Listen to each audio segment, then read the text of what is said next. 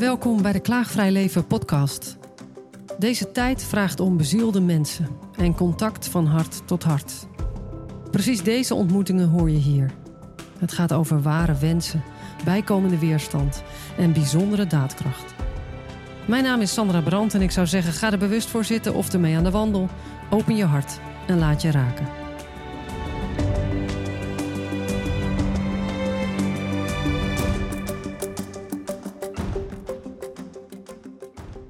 Daniel van Duin, ik ben tijdontwerper en ik zit hier in Haarlem. Ja, ik zag dat op je LinkedIn-profiel en het uh, viel me op. En het past mis, misschien ook exact weer waar ik uh, in geïnteresseerd ben. En uh, er werd hoop gereageerd op die post ook. Dus ik had de indruk dat het leeft en dat mensen zeer geïnteresseerd zijn in het onderwerp waar jij in duikt. En dat houdt ons allemaal, denk ik, bezig elke dag, de tijd. Maar jij kijkt er net even wat dieper naar en dat ja, boeit mij. Ja, tijd is een dimensie, is net als hoogte, breedte, diepte iets wat ruimte en tijd samen is, volgens Albert Einstein. En mijn these of mijn hypothese is dat we dat kunnen ontwerpen. En uh, je hebt architecten die ontwerpen huizen, je hebt ingenieurs, dat ben ik zelf, uh, die ontwerpen spoorlijnen of bruggen, civiel technicus. Maar ik dacht, waarom houdt niemand zich bezig met de tijdbeleving? Want dat is een cruciaal onderdeel van het leven. En je kan plekken creëren. Of je hebt dus het onderscheid in het Engels tussen spaces en places. En iedereen merkt wel als je in een, bepaalde, een bepaald deel van de stad komt, wat voor sfeer hangt daar wel of niet. En je kan dat dus ontwerpen. Maar het is niet gebruikelijk om te denken dan dat het over tijd gaat. Maar je tijdbeleving kan wisselen door de objecten die aanwezig zijn in de ruimte. Dus ik hoor je eventjes, sorry dat ik je onderbreek, maar het woord sfeer hoor ik je noemen als het gaat over tijdontwerpen, onder andere. Uh, als, als, een, als er een, laat ik het nog platter zeggen, als er cirkels of bochten of spiralen of uh, golven in een ruimte aanwezig zijn, in de vorm van water, planten, uh, letterlijk een, een, een weg die om een boom heen slingert, in plaats van de boom moet weg voor de weg, dan kunnen mensen in een circulaire tijdbeleving komen. En dat is diametraal tegenovergesteld aan de lineaire tijdbeleving. En die circulaire tijdbeleving is heerlijk. Mensen herkennen dat gevoel dat de tijd voorbij vliegt. Of dat je de tijd vergeet. Omdat je even helemaal ergens in op bent gegaan. Um, maar er is ook een andere tijdbeleving die ook circulair is. Dat is juist de stilte of de verstilling. Dat is de eeuwigheid. En in onze gehaaste maatschappij van tegenwoordig is bijna niemand meer die stilstaat bij al die andere soorten tijdbeleving. En mijn boek, of Pluk de Tijd, gaat eigenlijk over hoe kunnen we nou via interventies, gewoon via ruimtelijke ingrepen, maar ook met praktijkoefeningen van alle dag, die tijdbeleving meer divers maken. Dus niet dat we volgens die klok leven alleen maar, of volgens uh, targets en allemaal uh, doelen die we willen bereiken en moeten bereiken, want het moet allemaal efficiënter, het moet allemaal effectiever. We moeten geld verdienen. Dat is ook zo. Dus dat is een hele legitimiteitssoort. Maar er zijn er veel meer en die maken ons ook heel erg gelukkig. En we moeten niet vergeten dat er dus voor de uitvinding van de klok, dat was ongeveer rond 1300, de nauwkeurige klok. Want er waren ook waterklokken, er waren ook kaarsklokken, er waren ook uh, uh, ja, zonnewijzers. Dus hoe we sinds 1300 eigenlijk steeds meer die natuurlijke tijd uit het oog zijn gaan verliezen.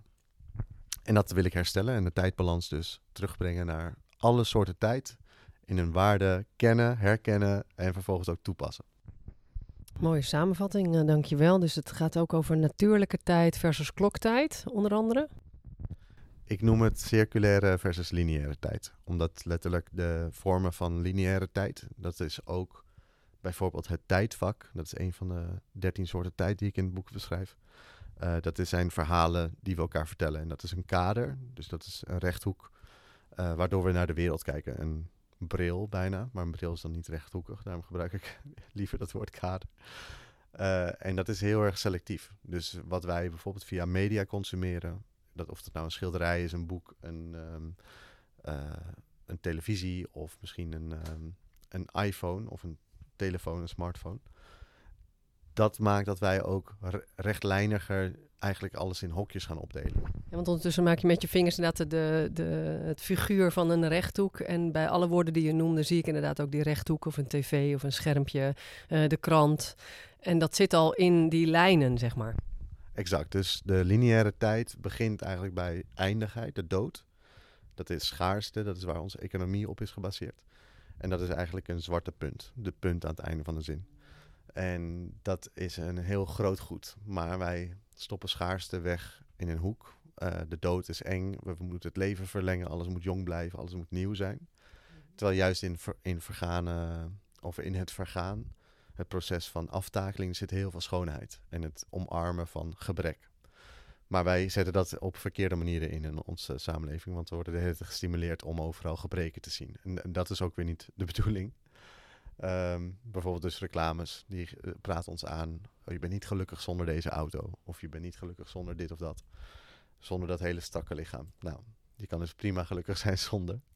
Maar um, nou, dat begint dus, daar begint de lineaire tijd. En de kloktijd bestaat uit de rechte lijn. Dat is eigenlijk op een doel afgaan. En dat zijn twee punten die verbonden zijn via de wijzer. En dat is ook de vinger van begeerte. Dus als je ergens naartoe wijst, uh, dan zeg je eigenlijk dat wil ik. Dat is, of ik, be ik bedoel dat. En dan is het heel erg doelgericht, heel doelmatig. Dat is de economie. Dat en, en, dat is ook uh, zoals roofdieren kijken, met de ogen dicht bij elkaar, rechtdoor, uh, getarget op die moet ik hebben en recht erop af. Ja, misschien wel. Al zijn er ook heel veel dieren, een chameleon of wat dan ook, die hebben juist een andere blik op de wereld. Dus dat is ook interessant. En ook octopussen bijvoorbeeld. Maar lang verhaal kort. Um, de piramide heeft drie punten. Dat is status, is hiërarchie. Dat noem ik temporele ordes. Dat is prioriteit. Dus wat komt eerst, wat komt later? Wie is als eerste aan de beurt? Wie staat bovenaan? Wie staat onderaan? En dat is een hele essentiële ordening in onze maatschappij. Dus nogmaals, ook lineaire tijd mag er zijn. Is ook nuttig. Zeker als je een taak gedaan wil krijgen. Maar het is heel erg aanwezig. En misschien te veel aanwezig. En sommige mensen moeten zich daar meer in bekwamen, andere mensen wat minder. Dus de mensen die helemaal bovenaan de piramide staan en daar niet van af kunnen donderen, die, zich niet kunnen verplaatsen in hoe is het om niet zoveel welvaart te hebben, uh, die missen daardoor eigenlijk ook een ervaring in het leven. Dus mijn boek gaat over hoe kan je die balans uh, herstellen. En ook letterlijk, hoe zitten die ruimtelijke vormen nou in elkaar? Dus hoe kunnen we zorgen dat als uh, bijvoorbeeld omgevingstijd, dat is, heeft de vorm van de pentagon. Als je de pentagon uh, als huis ziet, en ook als het menselijk lichaam, dus vier ledematen en een hoofd, het hoofd stuurt alles aan, dan kan je dat herkennen in de, in de tijd om ons heen. Dan zie je dat keurslijf en dat Pentagon kan je juist uh, zeg maar tegengaan. De, de omgevingstijd is bijvoorbeeld, kom je op tijd of kom je te laat? Uh, doe jij de afwas of doe ik de afwas? Uh, heb ik recht op onderwijs? Tot welke leeftijd dan? Eten we met z'n allen samen? Dat zijn allemaal cultuurgebonden gebruiken. En dat is, de, dat is het keurslijf van de cultuurtijd. Dus wat uh, zijn we gewend in een bepaald land? Een heel strak stramien eigenlijk. En het is heel solide, want een huis staat ook heel solide. Maar de tegenhanger van omgevingstijd is mentale tijd. Dat is de vorm van een wolkje, van damp, van luchtmoleculen. En zoals iedereen weet, droomtijd is een herinnering. Dat zijn allemaal uh, fluctuerende uh, fenomenen. Dus je kan tijdreizen in je droom, je kan overdag dagdromen. Je kan via je herinneringen een andere tijd beleven. Je kan ook heel erg in de toekomst leven. Dus dat is ook mentale tijd, dat je uh, alleen maar vooruit aan het plannen bent of, of juist droomt van dan, dan heb ik eindelijk de ware liefde gevonden. Die mentale tijd geeft een bepaalde vrijheid. Maar als je alleen maar mentale tijd zou hebben, dan heb je weer niet die solide basis van de omgevingstijd. Zo'n traditie of een routine, uh, regelmaat. Dus de kunst is om al die tijdsoorten met elkaar te balanceren.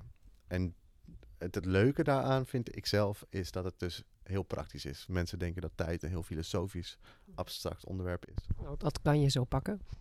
Ik denk dat het juist uh, niet tot één discipline beperkt moet zijn. Niet tot de natuurkunde of de kwantumfysica. Het moet ook niet tot de psychologie of de filosofie. het moet ook zeker niet logistiek alleen maar zijn. Ruimtetijd, dat is de, dat is de hexagon. Dat is eh, vervoer of versnelling via vervoersmiddelen. Is ook super interessant en heel gaaf dat we in een Concorde in zes uur naar New York kunnen vliegen. Maar het is niet wat er uiteindelijk alleen maar toe doet. En er zijn zo een heleboel disciplines die proberen dat tijddebat zo te kapen van dit is tijd. Maar tijd is meervoud. Ja, dus het gaat ook over uh, geluksbeleving, wat jou betreft. Ik denk dat de sleutel tot alles is tijd. Elk probleem is geworteld in tijd. Elk probleem kan je oplossen door de tijdbalans te herstellen. En de belangrijkste tijdsoort, de, de dertiende, die zit in het midden van wat ik noem het tijdwiel. En dat is het hier en nu. En als je je hart volgt, dan ben je altijd op de juiste plek, altijd op de juiste tijd. Alleen dat luisteren naar dat hart, dat is heel erg moeilijk. Dat is een oefening uh, die je ook nooit kan uitspelen. Je kan het nooit goed genoeg, of, maar je kan het wel tot op zekere hoogte benaderen. En we zitten heel erg vaak in de instinctieve reactie, of juist in de hoofdreactie. Dus de buik of het hoofd. Maar het hart zegt eigenlijk altijd de waarheid. En je weet eigenlijk ook wel waar je moet zijn. En dat als jij nu niet gelukkig zou zijn, hoewel geluk ook wel overrated is, ik zou tevredenheid een mooier, mooier begrip of doel vinden, uh, dan kan je best wel nadenken van, goh, wat zegt mijn hart eigenlijk? En meestal zit het er gewoon helemaal spot on, oh, ik moet hier niet zijn. En dan zou je er verstandig gaan doen om misschien van plek te wisselen of een andere tijdsoort te gaan beoefenen. Waardoor je die balans weer terugbrengt. Daar is een voorbeeld van. Kan je dat als je zegt, nou, mijn hart zegt eigenlijk uh, weg hier. Je zegt, dan kan je weg. Of je, je beleeft, je kiest om een andere tijdsoort te beleven. Kun je daar... Nou, ik had laatst een date toevallig. uh, en ik zat in het café en we hadden het, al, we hadden het over... We hadden allebei niet echt zoveel met dating apps.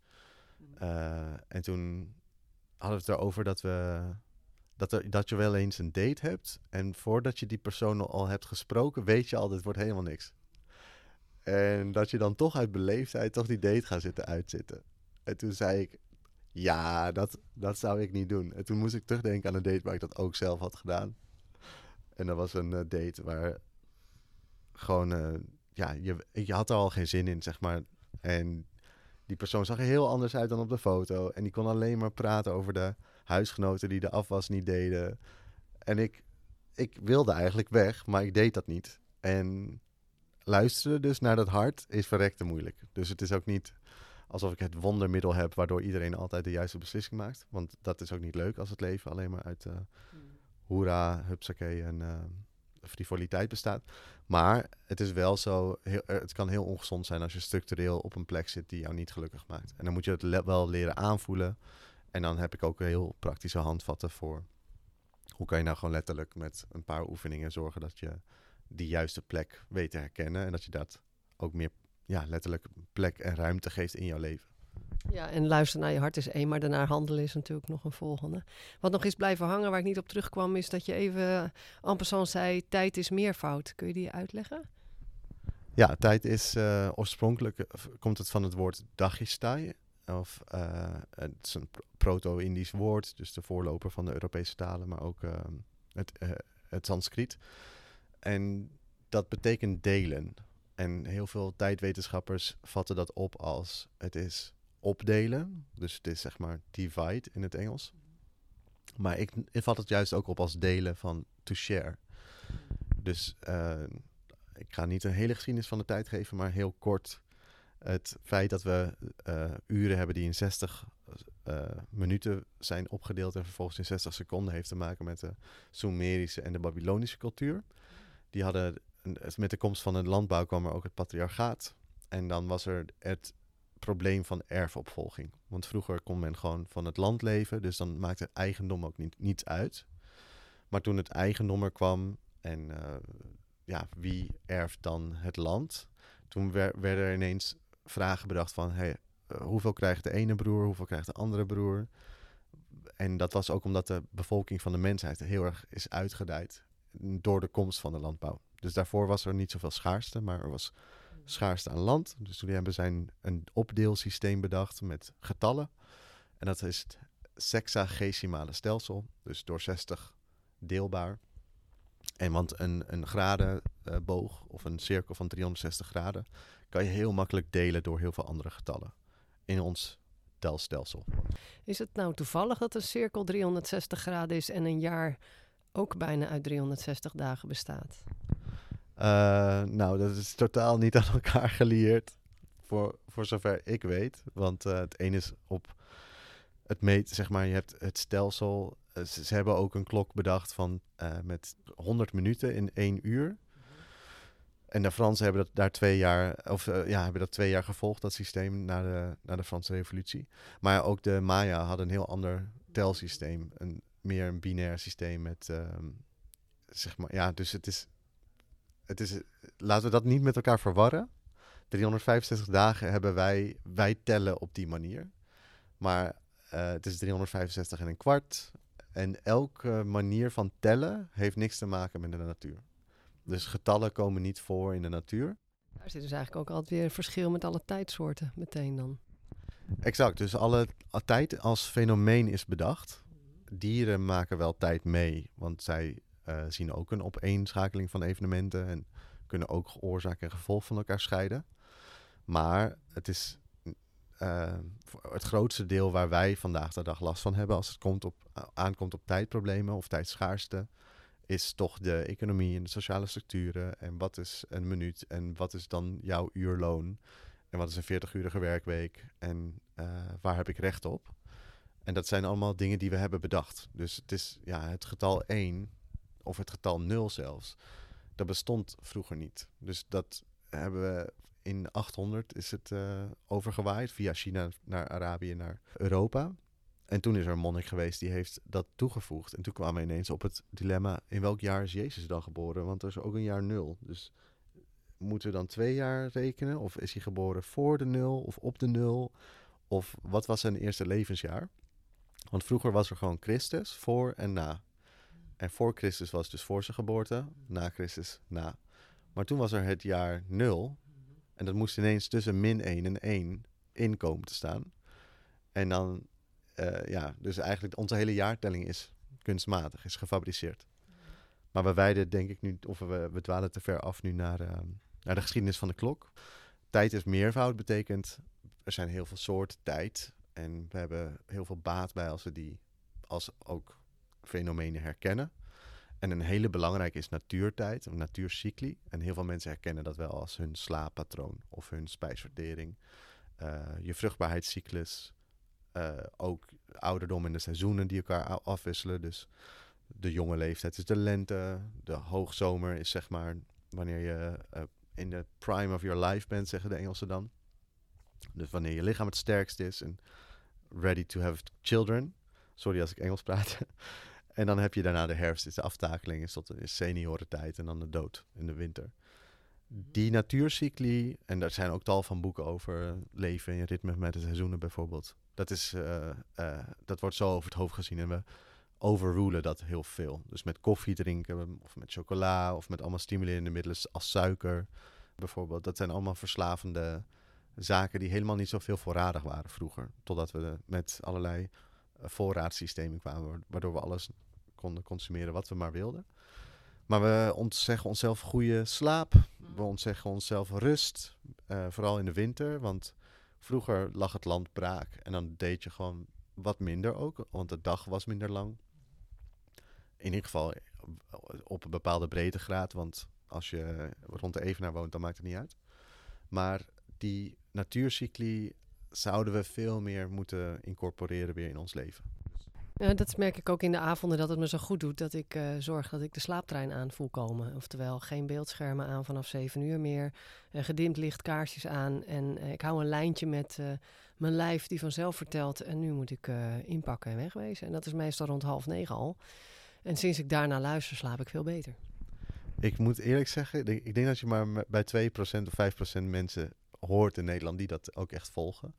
En dan hoor ik daar zelf ook niet bij. ik heb, eh, ben echt een, een, nachtbraker. Dat heet ook wel het schrijversritme. Dus ik ben tot drie uur wakker en dan uh, kom ik niet te slapen. En dan ga ik nog tv kijken. En dan een half uur later ben ik heel erg moe. Ik ben geen slechte slaper gelukkig. Maar 60% van Nederland slaapt slecht. En dat is geen wonder, want we hebben overal kunstlicht. Die smartphone die longt allemaal prikkels. We hebben wel 20.000 keer meer prikkels dan, dan in de middeleeuwen. Dus we gunnen onszelf eigenlijk niet die detox. We, gunnen onszelf niet even niks. En dat is zo belangrijk. Daarom is die tijdsoort eeuwigheid, dat is eigenlijk de leegte. Dat is voor contemplatie, dat is voor transformatie. Dat is wanneer je eigenlijk een, uh, een, bijvoorbeeld een camino loopt, dus voor een bedevaart, bedevaartstocht, dan loop je een weg naar binnen. En die, uh, dat doen we ook niet. Dus we hebben geen zondag rustdag meer. We hebben geen bidden meer voor het eten. We hebben geen uh, stilte momenten waarin we eigenlijk gewoon even stilstaan en danken. En dat is enerzijds een religieuze tijdsoort, daarmee heet het ook eeuwigheid. Je ervaart het als je in de kathedraal komt, dan word je vanzelf stil. En waarom is dat? Het overweldigt, het is hoog. Je hebt zo'n hele groot, groot atrium. En waarom is het nou dat je daar wel tot rust komt, maar bij een atrium in een universiteit of een bankgebouw helemaal niet? Omdat de vormen in een bankgebouw allemaal rechtlijnig hoekig zijn. Het is allemaal staal en glas. Het is allemaal modern, uh, terwijl een kathedraal zit vol met bogen. Het is allemaal circulair.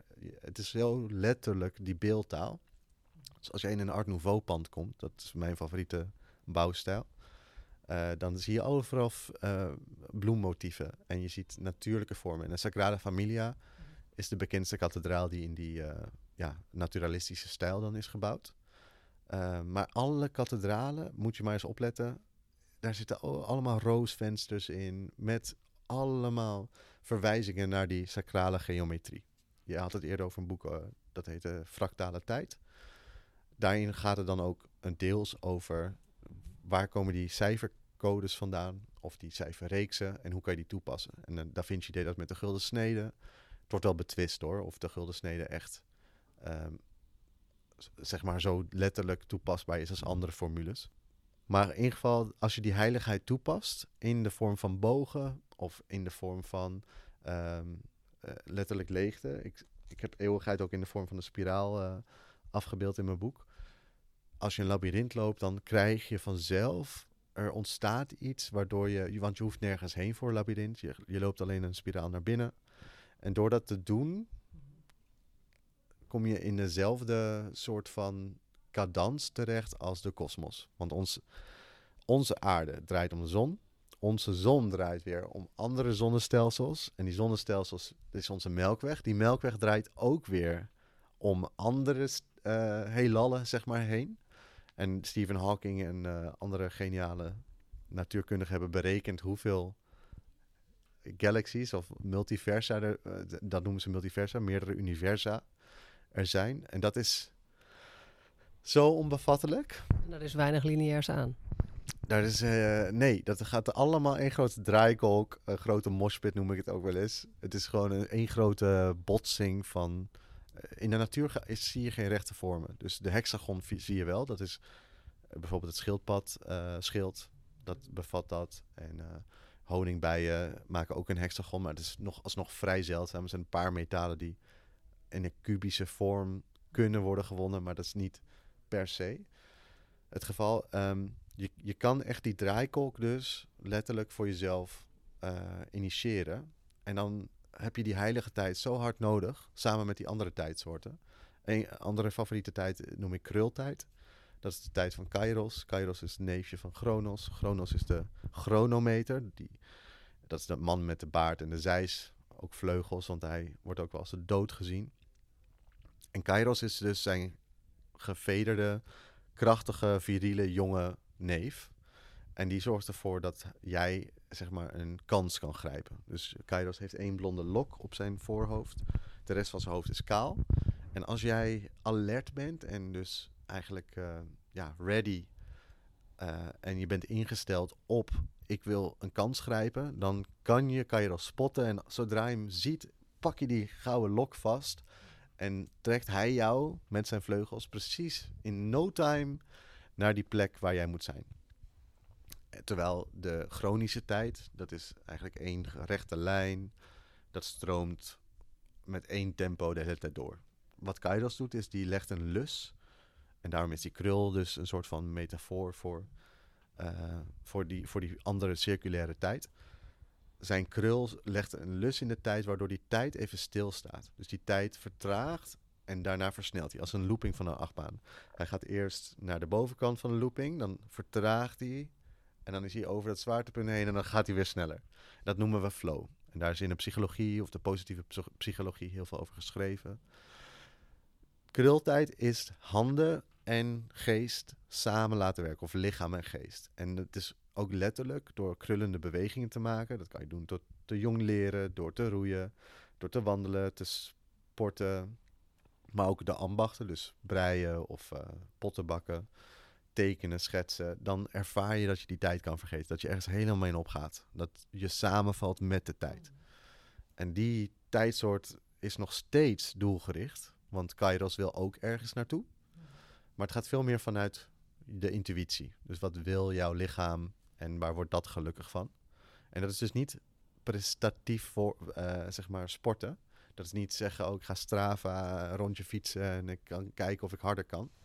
Dat is eigenlijk veel meer, ik sport omdat ik het leuk vind en niet omdat ik het moet. Of ik moet niet voor, mijn, voor de lijn of voor het dieet in, in shape blijven.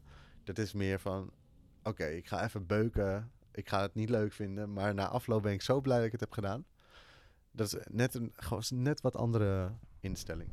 Ja, wat ik uh, merk is dat het voor mij heel erg helpt om elke dag even naar mijn café te gaan om daar te gaan schrijven. En in boeken te duiken die ik interessant vind, of niet in boeken te duiken, maar wel altijd te schrijven. En dan uh, neem ik me voor, en dat lukt ook altijd, om dan volledig de tijd te vergeten en in een soort flow te komen, een stroming te voelen. En pas dan ja, wil ik het café weer uit. Dus het is wel een soort doelgericht in die zin, want ik wil dat graag beleven. En dat lukt ook. En dat is een volledig tijdloos gevoel. En, het is bijna verslavend. Uh, maar ik zou zeggen, zeer aan te raden, ja. Om, om iets te bedenken of te ervaren van je weet, je, als ik daar wat meer aandacht aan geef, dan, dan kom ik wat vaker in die tijdloze toestand. Ja, en dat, dat kan elke vorm zijn die voor jou werkt. Dus uh, voor sommige mensen zijn het de kunsten, schrijven, schilderen, fotografie. En voor anderen is het juist uh, heel erg fysiek en brood bakken bijvoorbeeld. En dat hadden tijdens corona gingen heel veel mensen van het zuurdees een brood bakken. En dan krijg je wel een heel andere tijdbeleving. Dus alles wat ambachtelijk is, uh, ook kleding maken, dat, is, dat werkt op die manier. Maar ik heb uh, laatst in Frankrijk een keramiekwinkel bezocht. En toen vroeg ik dus aan de ambachtsvrouw van... En kom je vaak in de flow als je potten bakt? Toen zei ze nee, het is gewoon werk. dus het hangt weer ook weer af wat je instelling is waarmee je iets, uh, iets doet. Als het ter ontspanning is, dan werkt het ook ontspannend. Ik kreeg toevallig een verzoek om een gastcollege of een workshop tijdontwerp te geven.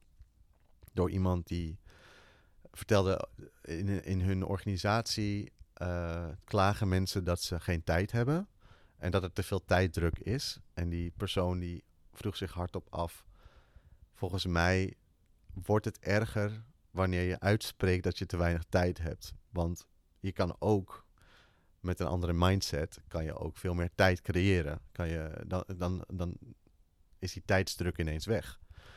En dat is ten dele zeker waar. Dus je kan echt heel veel werkplezier toevoegen door anders naar de tijd te kijken. Anderzijds kan je ook niet, uh, zeg maar, als de enige winst voor sneller werken is dat je meer werk krijgt, dan zit er niet echt een bonus voor. Dus er moet ook een een soort goede prestatie daartegenover staan. Wil je mensen echt voor je winnen voor, op de werkvloer. En dan komt het ook weer aan op een tijdbalans tussen generaties. En is jouw bedrijf vernieuwend genoeg, maar ook behoudend genoeg? Is het uh, vooruitstrevend dus in de zin dat het nieuwe, uh, zeg maar dat mensen op de werkvloer dingen kunnen aandragen die ook echt worden uitgevoerd?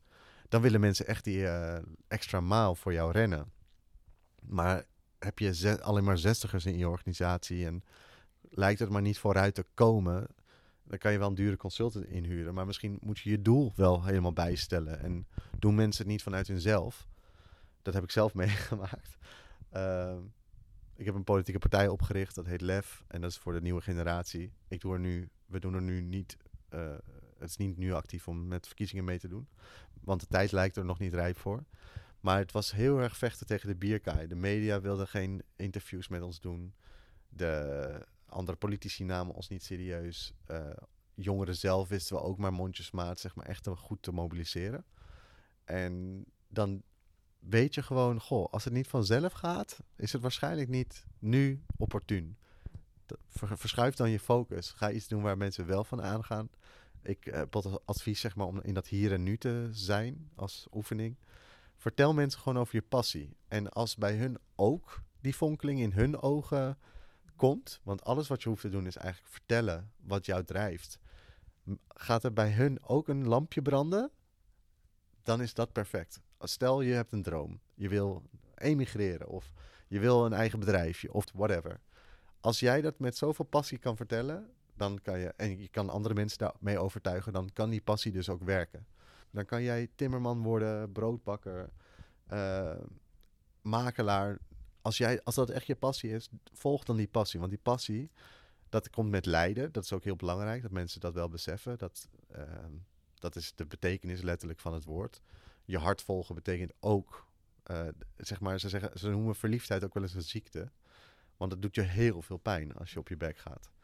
Dus het is helemaal niet eh, alleen maar positief. Dat hartje wat we bij concerten maken naar de band die we geweldig vinden.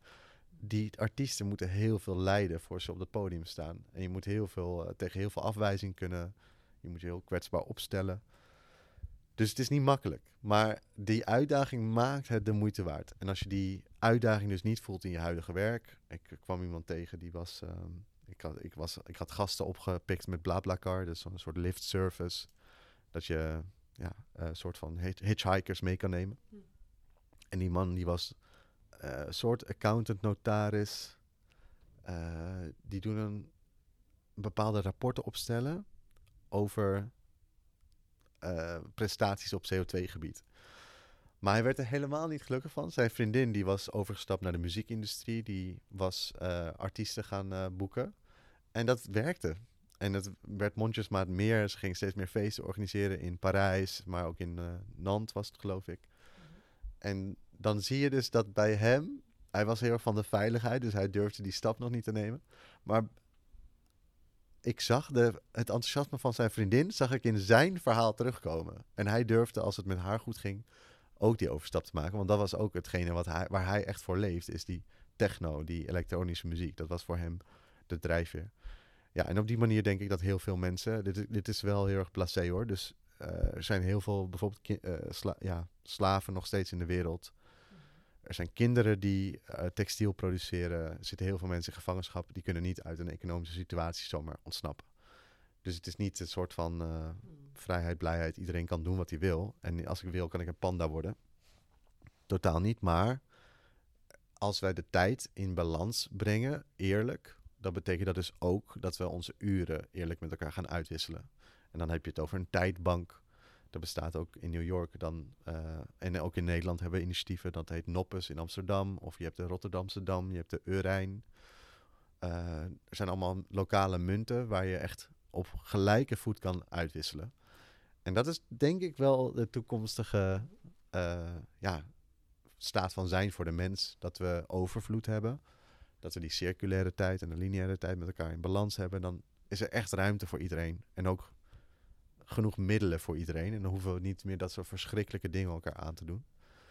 Eh, hoewel je nu met de huidige staat van de wereld, met de oorlog, vraag me wel eens af en toe af van, ja, is vrede en oorlog niet ook nodig om elkaar weer in balans te houden? En is dat de, is dat de natuurlijke staat van de mens? Maar de geschiedenis vertelt ons gelukkig dat er steeds minder oorlog is. En dat als er oorlogen zijn, dat ze binnenstatelijk zijn, dus niet meer overslaan naar andere landen. Maar goed, de nazistaat is ook maar een concept, is ook maar 200 jaar geleden bedacht. En eh, er zullen nog heel veel systemen komen en we kunnen maar heel kort vooruit kijken in de toekomst. Dat is ook een eh, tijdvorm, vooruitzien. En ehm, eh, eh, ik weet niet op welke, op, op wel, hoe, hoe ver we nu in de tijd zijn in de podcast. Maar mentale tijd, dat wil ik mensen meegeven. Dat is ehm, de psychologie. En dat is zo'n belangrijke tijdvorm om te oefenen. Want we zijn helemaal losgekomen ook van onze ademhaling. En je hebt wel ademcoaches tegenwoordig. En eh, Bram Bakker heeft er een boek over geschreven. Samen met, ik vergeet altijd zijn naam, maar het is een hele simpele naam. Ehm, het heet Verademing. En daarin beschrijven ze van iedereen, bijna iedereen in onze samenleving, ook door de luchtvervuiling, maar ook door stress, zit in een soort verkram- verkrampte ademhaling. Als je elke dag bij het ontbijt, bij de lunch en bij het avondeten tien keer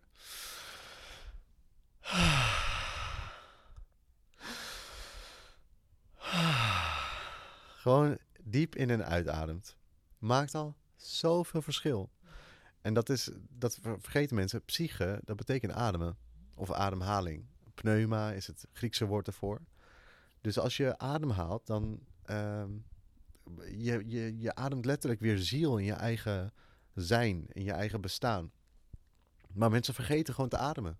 En als je in je stress zit, dan zit je zo in een hele hoge ademhaling, zo'n hyperkorte dat geluid. En uh, dat is zo zonde, want het leven is echt die zuurstof, weet je wel. Het is gewoon een cadeau.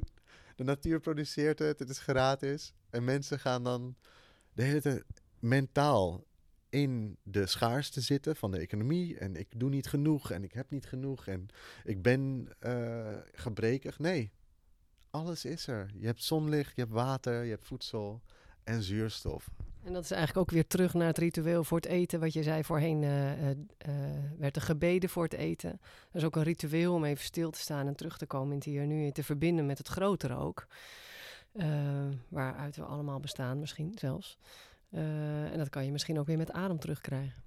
Ja, absoluut. En daar, daar hoort ook nederigheid bij. Dus... Ehm, als jij het universum kan zien, of de kosmos, het heelal, als we de sterren weer zichtbaar maken. Trouwens, as we speak is een prachtige regenboog uh, buiten zichtbaar. Dus vergeet niet om je heen te kijken, mensen. Ga niet naar die smartphone de hele tijd met je ogen, zeg maar. Er is zoveel ruimte.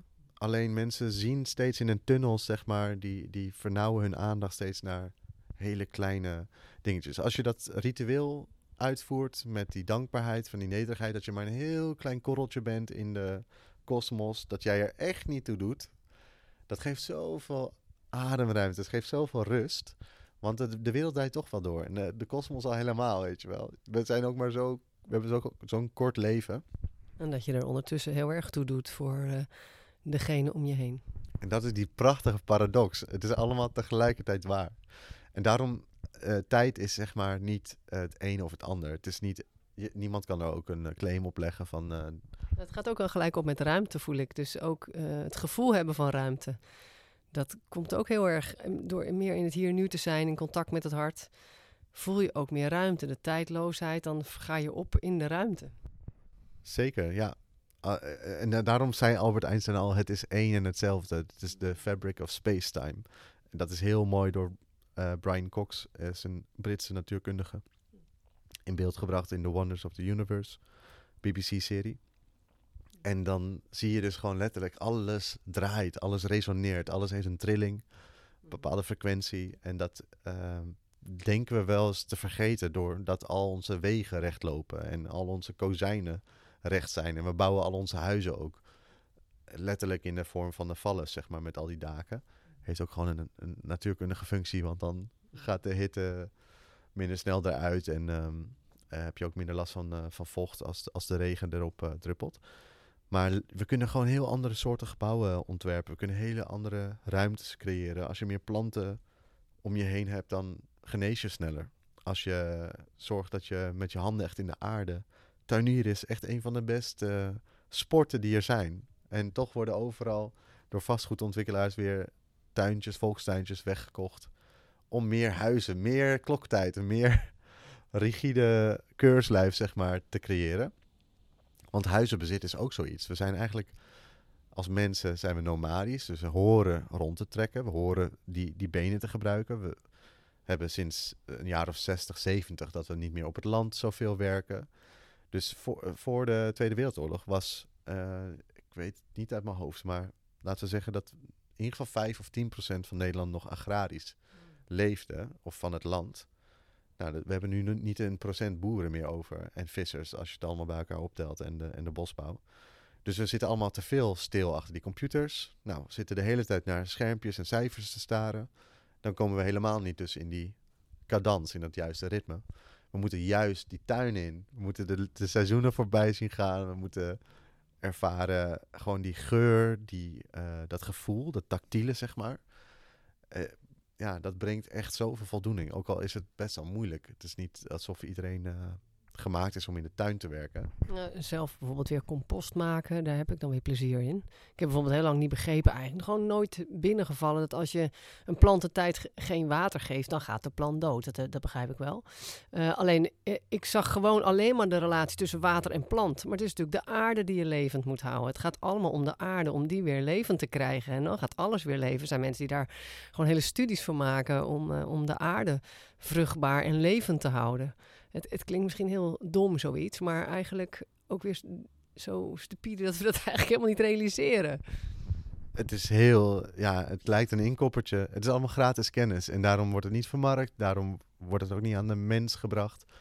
Ik denk dan, die aarde leeft eh, door calcium, door uh, allerlei nutriënten, ijzer moet erin, stikstof. En dat is echt een balanceeract. En het is helemaal niet makkelijk. Dus je moet van alles uh, je moet er echt moeite in steken. Maar... En waarom bijvoorbeeld mijn druif enorm veel druiven geeft, maar de appel sindsdien niet meer. En die staat ernaast. Nou, misschien dat ze wel voeding van elkaar pikken, uh, schimmelstructuren in de bodem. Ik vind het eigenlijk hartstikke interessant.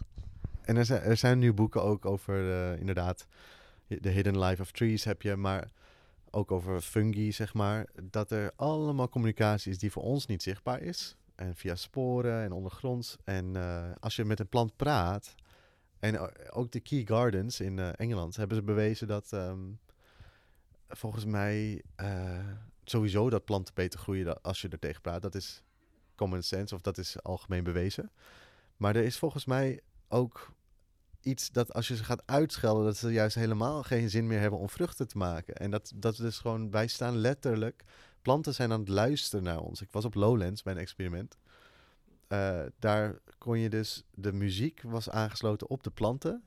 En als je de plant aaide, dan uh, hoorde je de muziek veranderen. Dus die plant, die, die, die, die voelt, net als wij. En dan sta je dus, zeg maar, tegenover een plant. En je bent niet aan het praten met elkaar, maar er is wel communicatie. En dat, ja, dat is zo magisch, dat is zo wonderlijk. Die verwondering, dat is ook een tijdsoort, dat heet generatie.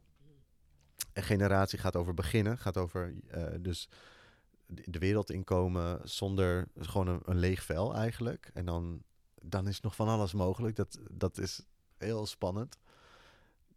Die tijdsoort die zitten ook helemaal niet meer in onze samenleving. Want we vergrijzen. We zitten uh, eigenlijk met een geboortecijfer van 1,3 of 1,2. is nog nooit zo laag geweest. Terwijl als jij kinderen over de vloer hebt, kleine kinderen, jij hebt, jij hebt ze. Uh, dat, je hoort de raarste dingen. En die doen je anders kijken naar de wereld. En in binnen bedrijven wordt de jongste mensen vaak gediscrimineerd. Dat is de meest geaccepteerde vorm van discriminatie. Dus op ras of homo of geloof of wat dan ook. Daar mag je allemaal niet op discrimineren. Vinden we allemaal, moet niet kunnen. Maar waarom wordt er dus wel nog jeugdloon geheven? Dus tussen je 18e en je 21ste verdien je gewoon minder omdat er een bepaald cijfertje in je paspoort staat. Uh, je ideeën worden niet uh, geaccepteerd, want je hebt geen ervaring. Wie heeft bepaald dat ervaring het beste is voor het bedrijf? Het bedrijf floreert als iedereen zijn zegje kan doen. Het bedrijf gaat goed en beter presteren op de beurs. Als jonge mensen hun ideeën kwijt kunnen en ze worden ook echt doorontwikkeld. Zoveel problemen kunnen we makkelijker oplossen als we eventjes stilstaan bij die tijd. En daarom zeg ik, het is heel cliché, maar een goed begin is het halve werk. En dat betekent dus ook van die tijd die we hebben, gewoon goed gebruik maken. Niet niet uit een soort spijt uh, van, oh, wat, ik ben bang dat ik uh, iets misdoe. Nee, je hebt alle tijd. Totdat je doodgaat, heb je alle tijd. Ook al ga je morgen dood, dat is dan al je tijd. Maar je weet het nog niet. Meestal, het zijn mensen die het wel weten. En dat is soms ook een cadeau, want dan ga je het echt, dan ga je het meeste uithalen. Het kan ook heel pijnlijk zijn natuurlijk als je chronisch ziek bent. Maar je wil eigenlijk al die tijd die je hebt zo besteden dat het voor jou morgen afgelopen mag zijn. Dus dat je niet die dromen hebt of die uh, vrienden die je niet hebt opgebeld of hordes die je niet durfde te nemen omdat je te bang voor was. Want oh, wat, wat, als, wat als ik dit doe? Gaat dan niet dit fout? Wat als ik mijn huis verkoop? Kom ik dan ooit nog wel hier terug? Wat, wat niet betekent dat je natuurlijk nu in de versnelling moet gaan leven om nog al je dromen even gauw na te jagen. Dat bedoel je dan weer niet voor alles is de juiste tijd en je moet alles ook tijd gunnen. En dat is wel eigenlijk in onze overhaaste maatschappij ook uh, een van de kernen. Dat Nee, dus kortom, voor de mensen nu die luisteren, voor, om het in hun eigen leven te gieten. Ik denk dat de meeste mensen die luisteren, misschien wel iedereen, het totaal herkent dat we een beetje geblokt zijn door de lineaire uh, tijd en, en, het hokjes kijken, uh, letterlijk op je scherm. En dat we allemaal wat circulaire tijd missen. Hoe zou je dat nou ja, willen samenvatten wat we nu te doen hebben? Ja, de tijdbalans hervinden. Het begint ik uh, begin altijd met tijdbewustzijn. Dus het, het, überhaupt mensen zover krijgen dat er meerdere soorten tijd zijn. Dat is al een hele opgave. Dan mensen het laten herkennen. Dus zeg maar dat je zelf om je heen gaat kijken en dan denkt, oh, dat plantje. Want de vorm van de generatie, dat is de V of de Y. Als je die letterlijk dus in de ruimte plaatst, via gierlandes of slingers, dan krijg je al dat feestje, feestelijk gevoel van nieuw leven. Um, en dan de toepassing, dat is het allermoeilijkste. Dat is die tijdbalans. En daarom uh, heet mijn boek Pluk de Tijd, omdat ik denk, je hebt Carpe Diem, pluk de dag. Maar dat is ja, niet genoeg, vind ik. Pluk de tijd. Wees bewust wat, wat voor opties je allemaal hebt. En dat je niet volgens die klok hoeft te leven. En ja, nu ga ik iets revolutionairs zeggen. Uh, we moeten weer tijdsoevereiniteit krijgen. En dat is eh, de, dat is voor mij het eindspel, maar daar zijn we nog lang niet. Um, tijdsoevereiniteit is dat we dus echt economische gelijkwaardigheid ook krijgen, waardoor iedereen kan beschikken over de eigen tijd. Ik denk we moeten wel bewegen naar een wereld waarin de Amazons en de Microsofts en de Facebooks niet bepalen wat wij zien, maar waarin we autonoom zelf beslissen: oké, ik, het voelt voor mij goed om dit of dat verhaal of uh, de lokale krant te lezen, zodat ik um, alles op waarde schat. En dat we niet alleen maar omhoog kijken naar die paar uh, idolen die we op een schild hijsen en, en die massa-industrie. Want dat is wel funest. Je, moet niet, je kan niet oneindig groeien. En al die bedrijven willen monopolies hebben uiteindelijk en heel veel machtsconcentratie. Maar de, uh, ja, het, als mensen dus weigeren om hun tijd nog af te staan aan wat ik dan kwaadaardige molochen vindt. En dat zijn dan niet de mensen die daarachter zitten, maar het systeem klopt niet. En dat is de, de, ja, dat is de toekomst, is dat een tijdbank komt en dat veel meer mensen steeds meer uit de economie, uit de reguliere economie stappen en dan zeggen, goh, ik, ik wijd mijn leven aan het verbeteren van het lot van de mensheid. En ik werk niet meer voor een systeem dat sommige mensen heel rijk maakt. En ik weiger die orde, die temporele orde, op te volgen. We gaan de piramide niet kantelen. We gaan niet een nieuw systeem, wat ook onderdrukkend is, uh, oprichten. Maar we gaan van de piramide gaan we een cirkel maken. We gaan het roleren. Er gaat weer adem, of uh, er komt weer beweging in, waardoor alles ook zuurstof krijgt. Want de dood is stilstand. Dat, dat, dat, als je ooit een dood persoon hebt gezien, het is zeg maar, als het geen rigor mortis heeft, dan is het gewoon stil. De dood is uh, heel erg aanwezig in onze sociale relaties. Want je kan niet groeien tot een ja, er, zijn, komen wel meer miljonairs bij. Maar je kan niet, zeg maar, als je eenmaal heel veel geld hebt, is het heel moeilijk om eruit te vallen. En er zijn heel veel mensen die dus onverdiend heel rijk zijn. En die helemaal niet bedreigd worden. Maar het lot van de aarde wordt wel door hun gedrag bedreigd. Want die mensen bepalen, wordt er nog in fossiel geïnvesteerd. Die mensen bepalen, uh, ga, ga, komt, komt er ook ruimte voor een nieuwe manier van denken.